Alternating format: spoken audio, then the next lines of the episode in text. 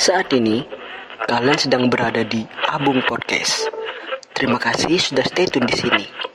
Buat kalian yang baru mendengarkan, jangan lupa ikutin terus Abung Podcast dan selalu stay tune agar kalian tidak ketinggalan episode-episode selanjutnya.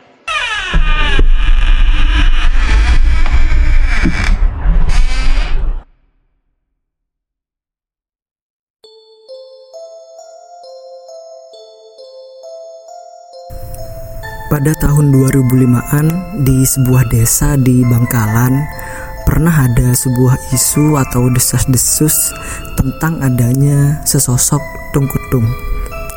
Jadi tungkutung ini nih sebenarnya digambarkan sebagai sesuatu yang uh, suka memenggal kepala anak kecil yang biasanya sedang bermain sendirian atau di tempat sepi. Emang pada waktu itu desas-desus tentang keberadaan Tokutung ini emang membuat takut banyak anak-anak dan orang tuanya tentunya ya. Namun anehnya sampai sekarang pun belum pernah ada orang yang secara langsung pernah melihat sosok dari Tungkutung ini.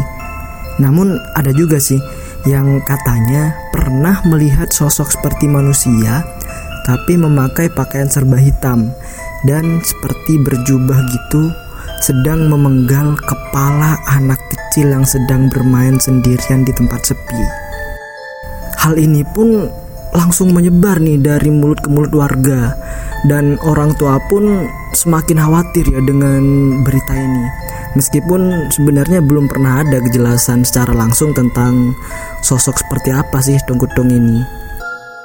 Biasanya keberadaan Tunggutung ini nih akan muncul ketika musim jagung biasanya ya. Tung-tung ini nih biasanya bersembunyi di ladang jagung yang tinggi dan biasanya agak sepi gitu. Dan menunggu ada anak-anak yang lewat sekitar situ. Pernah juga ada yang menemukan mayat anak kecil kira-kira berumur 10 tahunan yang ditemukan meninggal dengan posisi kepalanya yang sudah hilang. Terus anehnya lagi, di lehernya itu nggak mengucur darah kayak orang meninggal karena tabrakan atau luka di tubuhnya gitu ya. Dan kejadian ini pun semakin menambah kepanikan. Anak-anak pada tahun itu pun eh, apa juga mulai takut nih untuk bermain di tempat sepi atau melewati ladang jagung. Karena mereka ini percaya kalau tongkutung ini sebenarnya bersembunyi di ladang jagung itu. Setelah itu memang sering sih ada kabar kalau ada anak-anak kecil yang ditemukan meninggal tanpa kepala.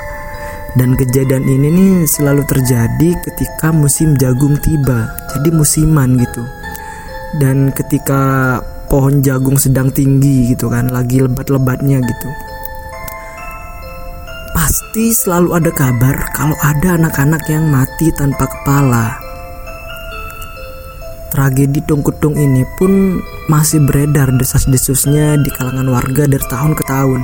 Makanya ketika musim jagung tiba ini anak-anak biasanya selalu ngerasa dihantui gitu ya dengan ketakutan akan tungkutung ini.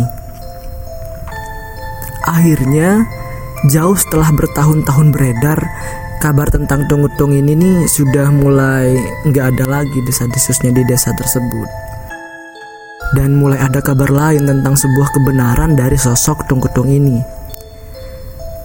Jadi ada kabar bahwa Tungkutung ini nih sebenarnya adalah orang-orang atau sekelompok orang yang menjual organ manusia seperti mata gitu contohnya. Tapi ada juga sih kabar bahwa sebenarnya Tungkutung ini adalah orang-orang yang mencari tumbal kepala gitu untuk ditimbun di dasar laut waktu proses pengecoran jembatan Suramadu.